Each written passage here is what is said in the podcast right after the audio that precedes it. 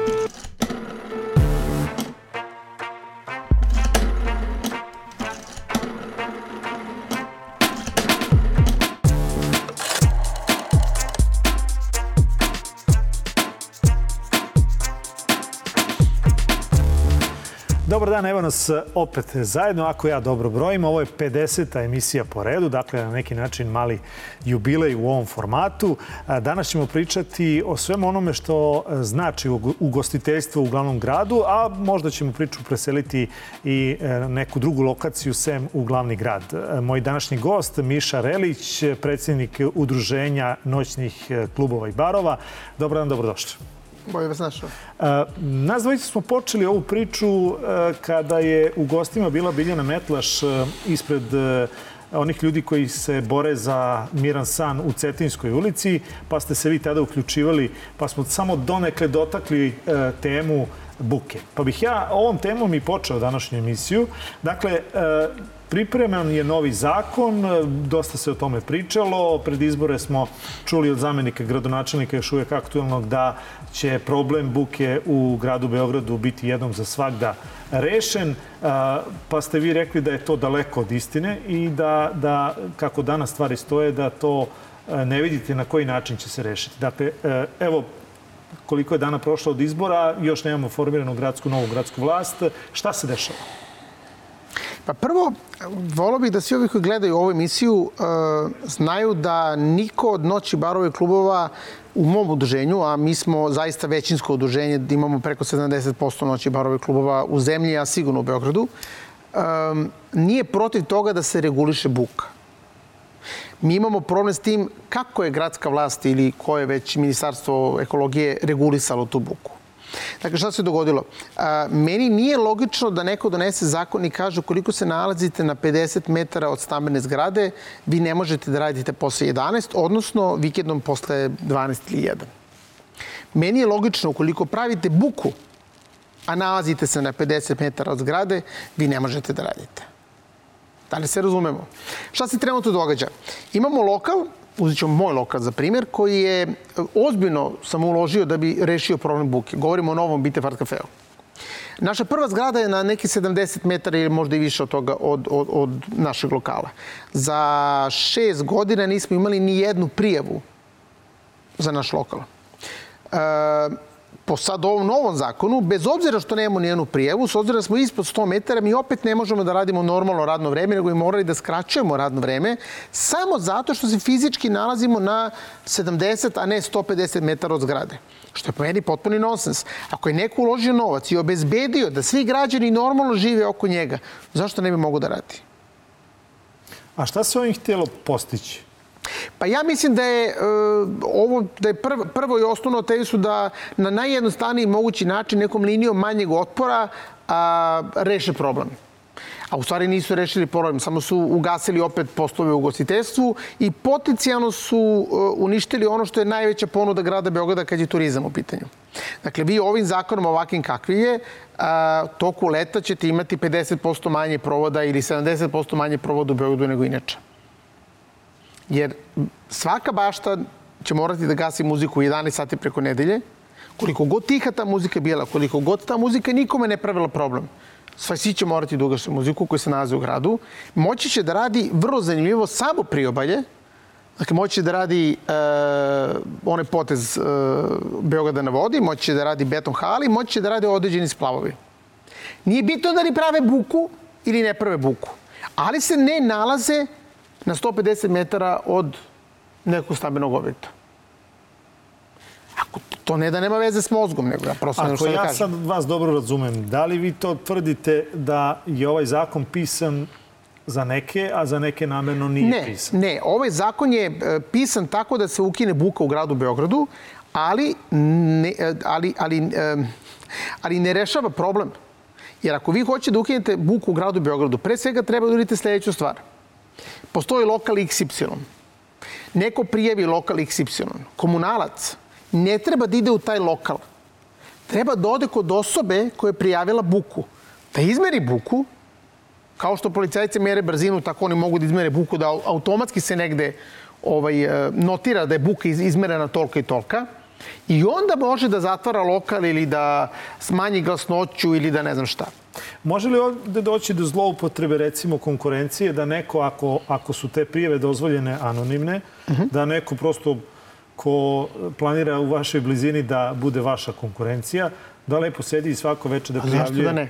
Ja mogu da sedim kod kući i da prijavim sve lokale u ovom gradu, da prave buku i komunalna policija bi po jel da, njihove obavezi morala da dođe u sve te lokale i da, da izvrši merenje buke i da potencijalno uh, istara goste napolje.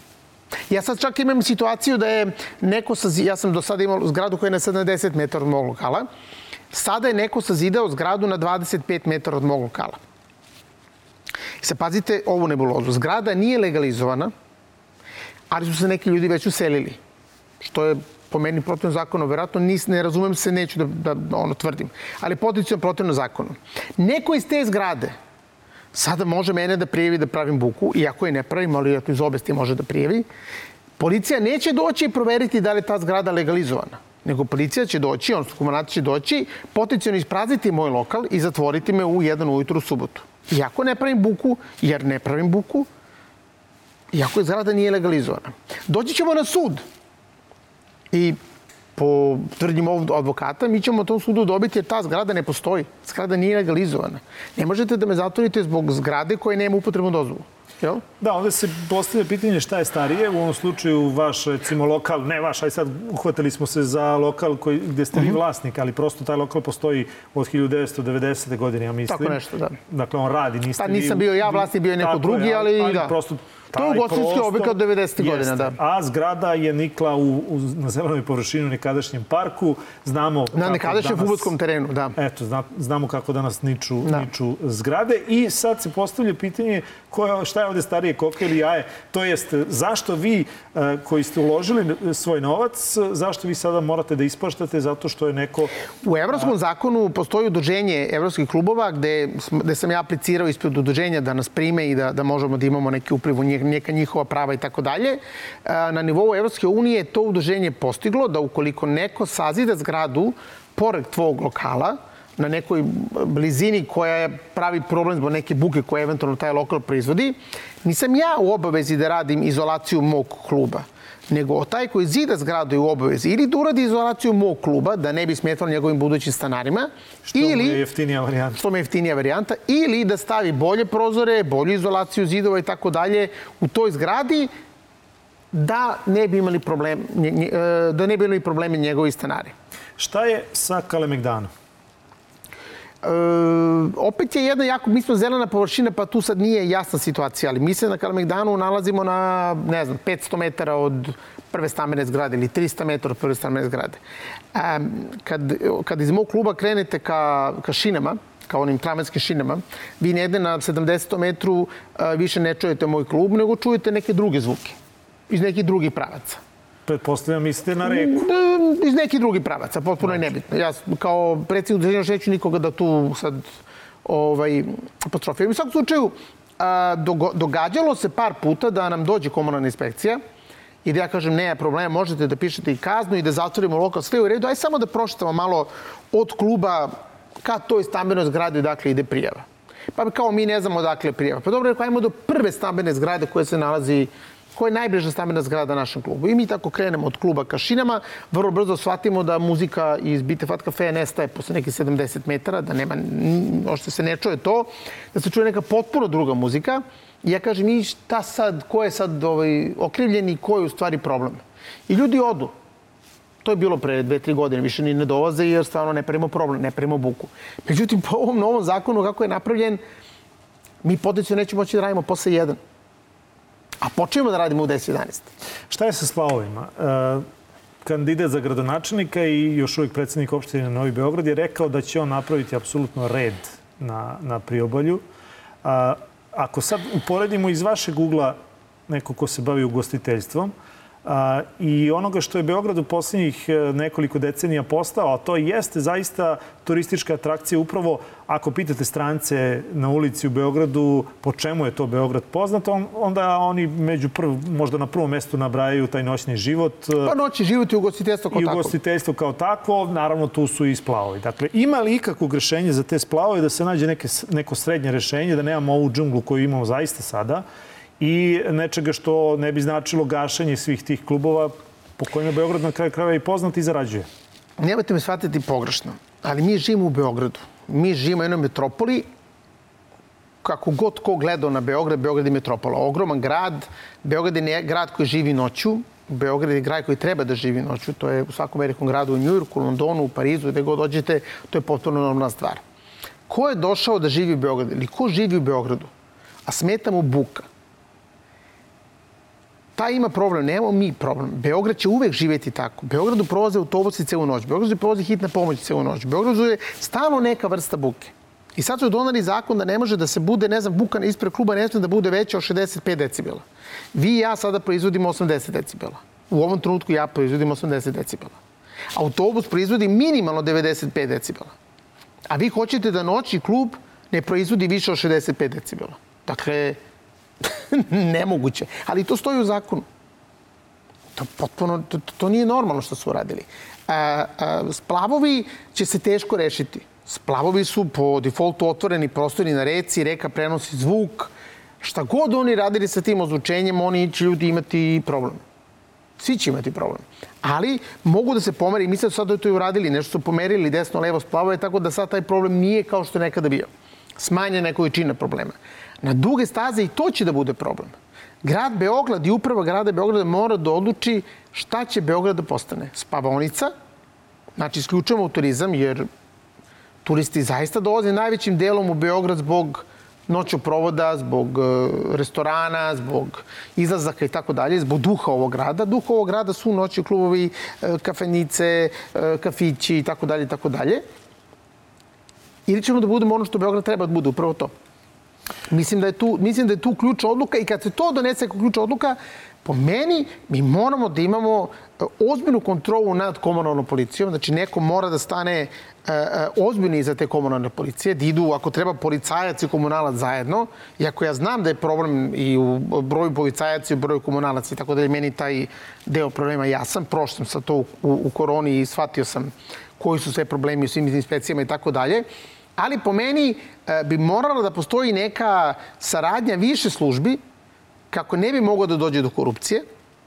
I mislim da mora da se zna ko te prijavio. Ne ja da znam, nego vi kao policajac komunalac morate da znate kome je prijavio, morate da odete kod tog nekoga i morate da izmerite buku. Ako pravim buku, ok, ako ne pravim buku, šta da mu radim? Kad pominjete tu korupciju, mi smo i za vreme korone, vi ste upozoravali na to, na tu opet selektivnost primene određenih mm -hmm. pravila, pa i za vreme e, e, onog policijskog časa, pa onog produženog policijskog časa. Dakle, neki su radili 24 sata dnevno mm -hmm. i a, onda smo imali one hollywoodske scene probijanja stakala i hapšenja da bi se samo pokazalo kako e, kako zaista postoji kontrola, ali se vrlo dobro zna da je dosta klubova po Beogradu radilo... U centralnim radilo, gradskim zonama. Radilo i tekako u centralnim gradskim zonama su pojedinci mogli da rade. A, da li vam je država izašla u susret za vreme korone? Da, e, evo, jeste li pravili neku računicu e, koliko vam je država pomogla za ove, ajde uzet ćemo ove dve godine ili tri godine? Koliko mi imamo vremena? pa evo, Gledajte ovako, mi smo, dobili, mi smo dobili minimalce kao što su dobile sve firme u ugostiteljstvu, jel? Međutim, Ja imam restoran, meni su ti, ti minimalci pomogli, ali mi smo nešto mogli da radimo. Mogli smo da radimo delivery, mogli smo da radimo preko dana, nekim momentima nismo, ali generalno nismo, mi nismo bili zatvoreni godinu i po dana. Uh mhm. -huh. Noći barovi klubovi su bukvalno bili zatvoreni godinu i po dana, ne računajući 20 dana juna, mesec dana septembra, nešto malo, mogu još oktobar da se radi, su opet da su. Tako da praktično smo godinu i po dana bili zatvoreni. Ne možete ni isti način da pomognete restorane koji kogo toko mogu da rade i noći klubove kojima ste u potpunosti zabranili poslovanje. Da li su nam pomogli? Da, pomogli su nam kao i svima. Da li je to dovoljno za onoga ko uopšte nije mogao da radi? Ne, nije dovoljno. Mi smo na kraju uspeli da se posle onog protesta i posle pregovora sa vladom i razgovore i sa Anom Brnabić i sa Tatjanom Matić i na kraju i sa Sinišom Malim, uspeli da dobijemo neku pomoć za neke 37 uh, klubova. Nas ima 110. Dakle, 30% od prilike klubova je dobilo neku pomoć dodatno. E sad, druga je stvar što je dogovorena pomoć bila 12% 2019. pa smo onda na sastavku to kao potvrdili i tako dalje, a onda kad smo trebali da dobijemo pomoć, volšebno je došlo do 3%, pa smo na kraju se kao našli na 6% u situaciji gde smo praktično znači, dovedeni presvršen čin ili ćete uzeti ti 6% da, jedna vrsta, ništa. Jedna vrsta pijace. Mada bi ovde u, u ovoj situaciji tekako bilo neophodno da tu postoji selektivnost. U smislu da ne može svima jednako, jer nisu svi bili jednako pogođeni koronom, već da se tu... Tu postoji dublji problem. Jeste vi tu nešto predlagali? Vidite, mi smo tu predlagali svašta i na kraju smo došli do toga da smo našli neko rešenje kako da se odvoje noći klubovi i barovi od lokala koji imaju i hranu i ovo, oni koji su mogli na neki način da se prilagode problematici.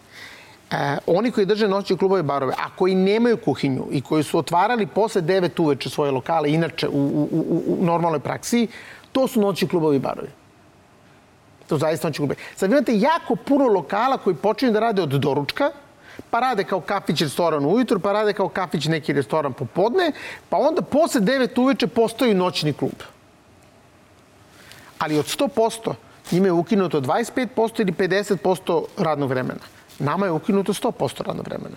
Tako da smo na kraju uspeli da se kroz neke kroz fiskalne račune, kroz da, trenutke otvaranja i zatvaranja fiskalne kase, pronađemo noćne klubove i barove i damo pomoć zaista noćnim klubovima i barovima.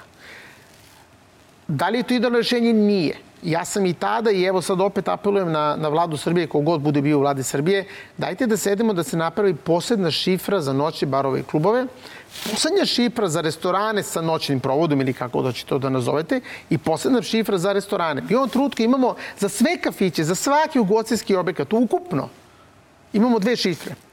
Imamo prodaješ piće i prodaješ piće i hranu. 9010 i 90 360, tako nešto, nije ni bitno. Znači imamo samo dve šifre poslovanja. I naravno kad dođete na vladu i kad kažete e, tadašnjem ministru i sadašnjem ministru financije Siniši Malom e, treba na pomoć, on ne može na dugme, ne može da napiše svi koji su šifra 9630 dobijaju pomoć. Zato to što u tom trenutku pomaže i onima koji rade i onima koji ne rade. I ja sam tu negde, tu, tu donekle mogu da shvatim problematiku s njihove strane. Ali s druge strane, trebalo mi je, boga mi, godinu dana da im objasnim da postojimo i mi kojima je potpuno zabranjen rad i da moramo da nađemo način da nas definišemo ko smo da bi dobili pomoć.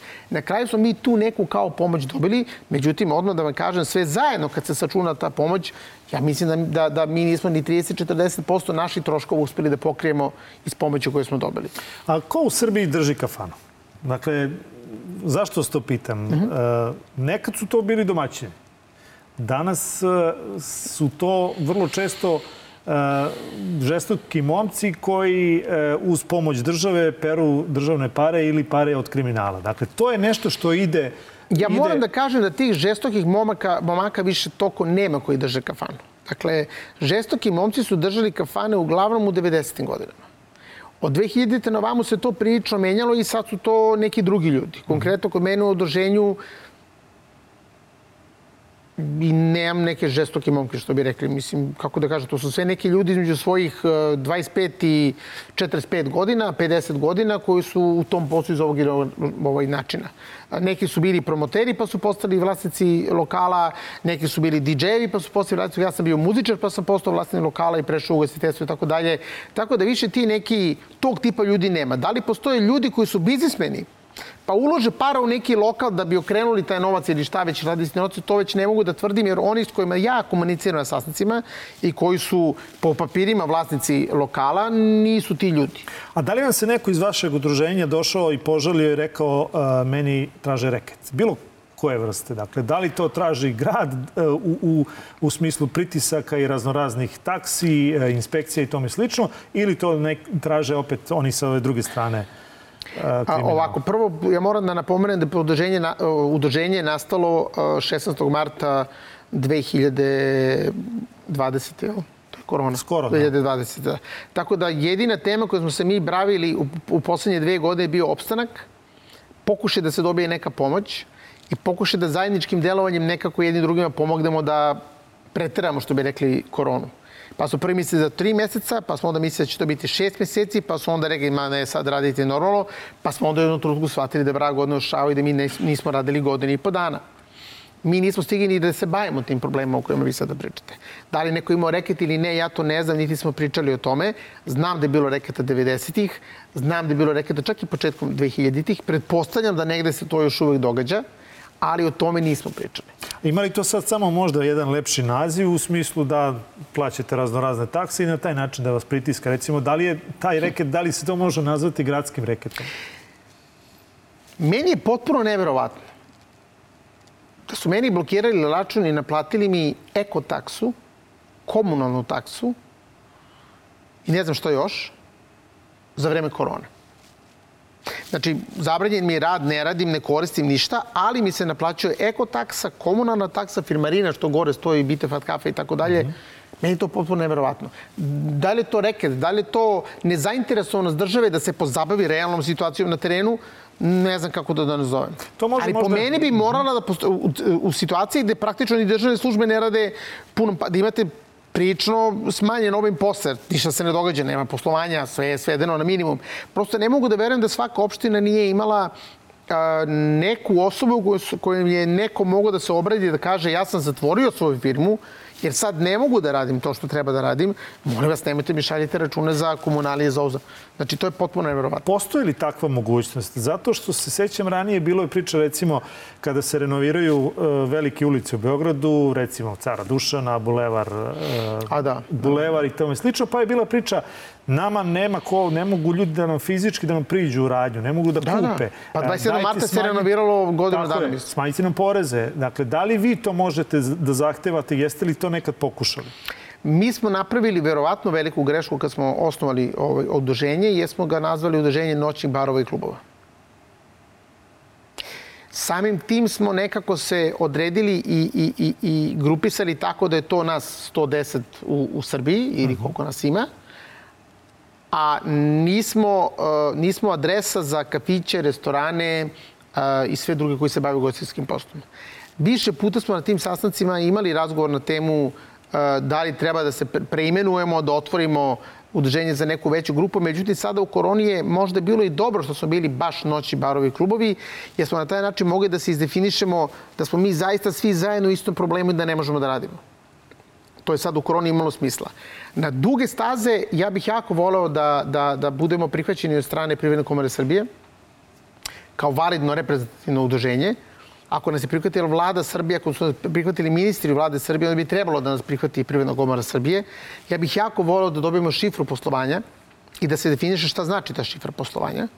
Mislim mislite da, bitno. da bi vam to olakšalo poslovanje ili mislite da biste uh, ovo sad što iznosite kao kritika i danas sutra postalo rešenje za problem? Pa vidite, e, svako definisanje stvari i pomaže i odmaže. Jel? Ali... S jedne strane, ako definišemo da noći klub i bar ima veći porez ili ima, ne znam, ja sad, može da se puši, ali mora da plati neku taksu i tako dalje, to će nas koštati s jedne strane. S druge strane ćete imati situaciju da će se smanjiti konkurencija, smanjit će se broj tih lokala, jer danas imate lokale koji, znate, imate kafić koji je sve je 16 u 1, a vode se kao kafić. Ali rade do 4 ujutru imaju bend ili duo ili trio koji sviraju unutra. I to vam oduzme neku, neki deo publike. A nemaju nikakve dodate takse, ništa. Oni jednostavno koriste 24 sata svoj lokal, punim pravom, jer je takav zakon u državi i oni tako mogu da rade.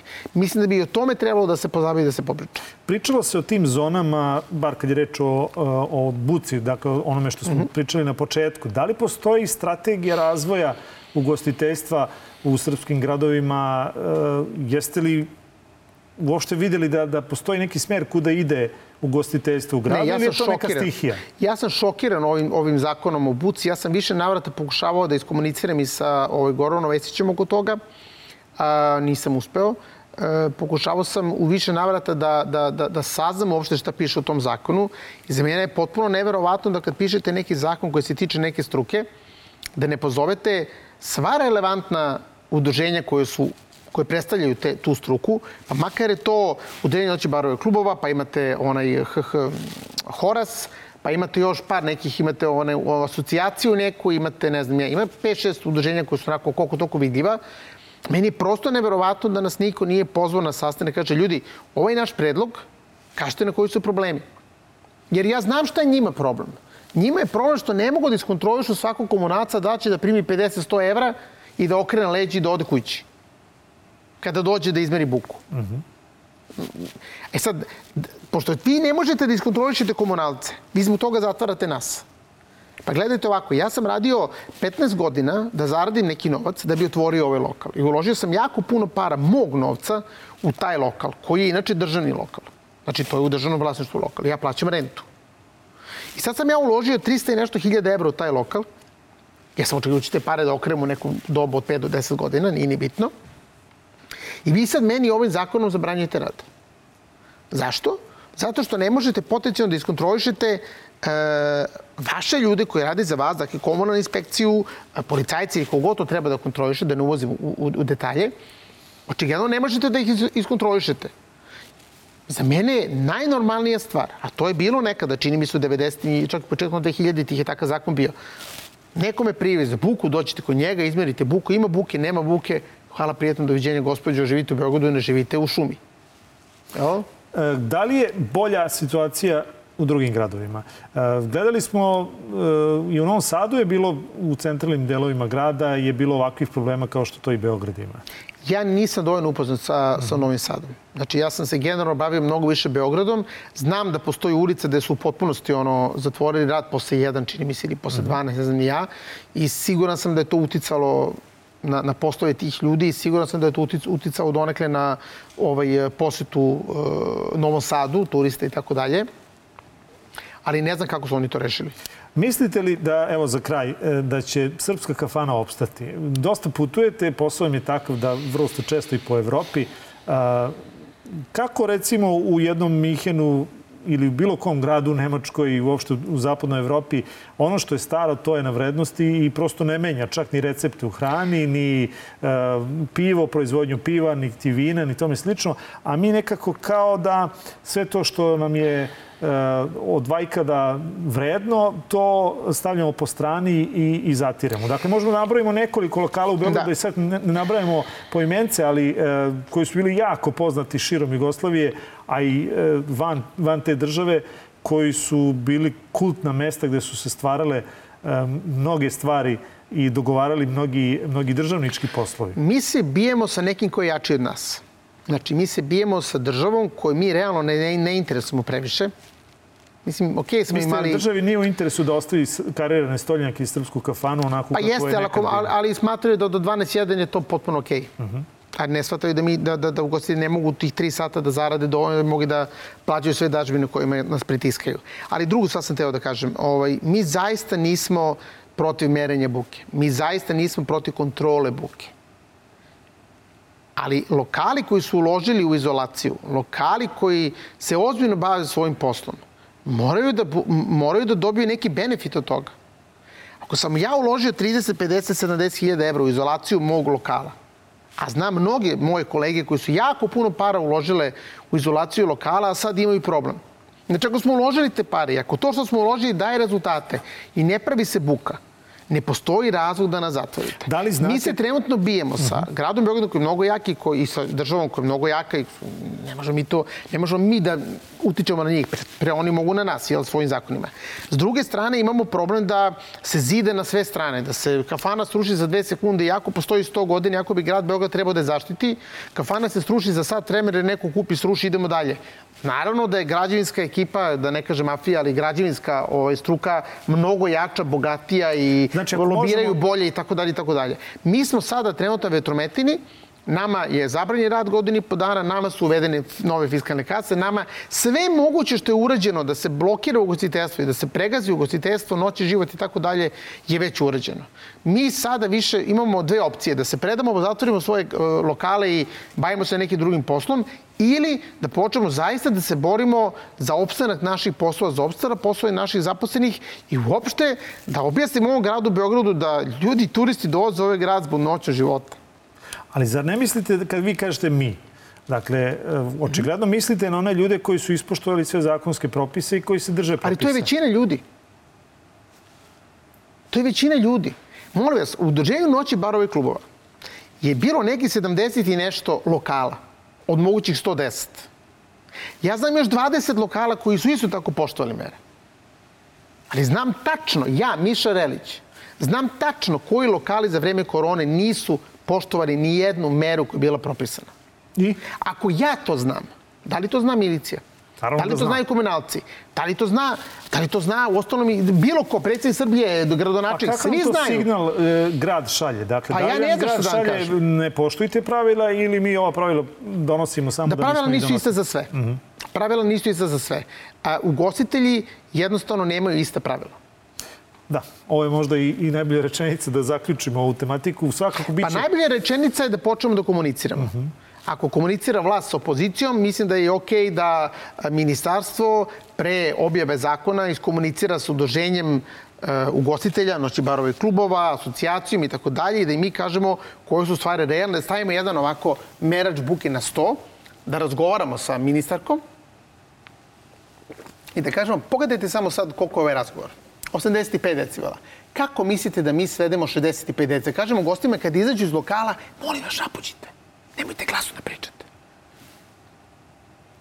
Potpuna nebuloza. Znači, dajte, nemojte da prepisujemo na pamet zakone od nekih drugih država, dajte da, da, dajte da se bavimo problemom na terenu.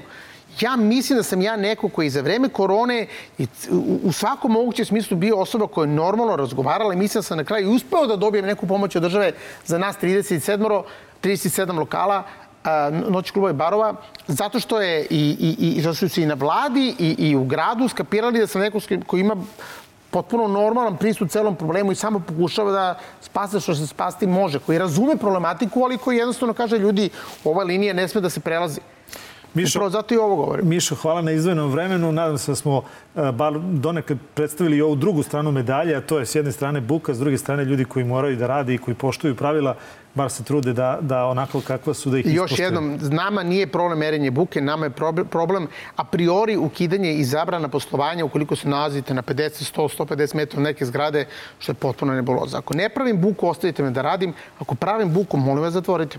Eto, ovim apelom možda i završamo današnje izdanje emisije, pa prosto da oni koji gledaju i oni koji odlučuju o tome da da čuju i ovaj vapaj na kraju krajeva. Da. Hvala još jednom. Hvala vam. Miša Relić iz Udruženja noćnih barova i klubova, moj današnji gost bio, a sledećeg utorka neke druge teme. Broj telefona otvoren za vaše pitanje 069 893 0023.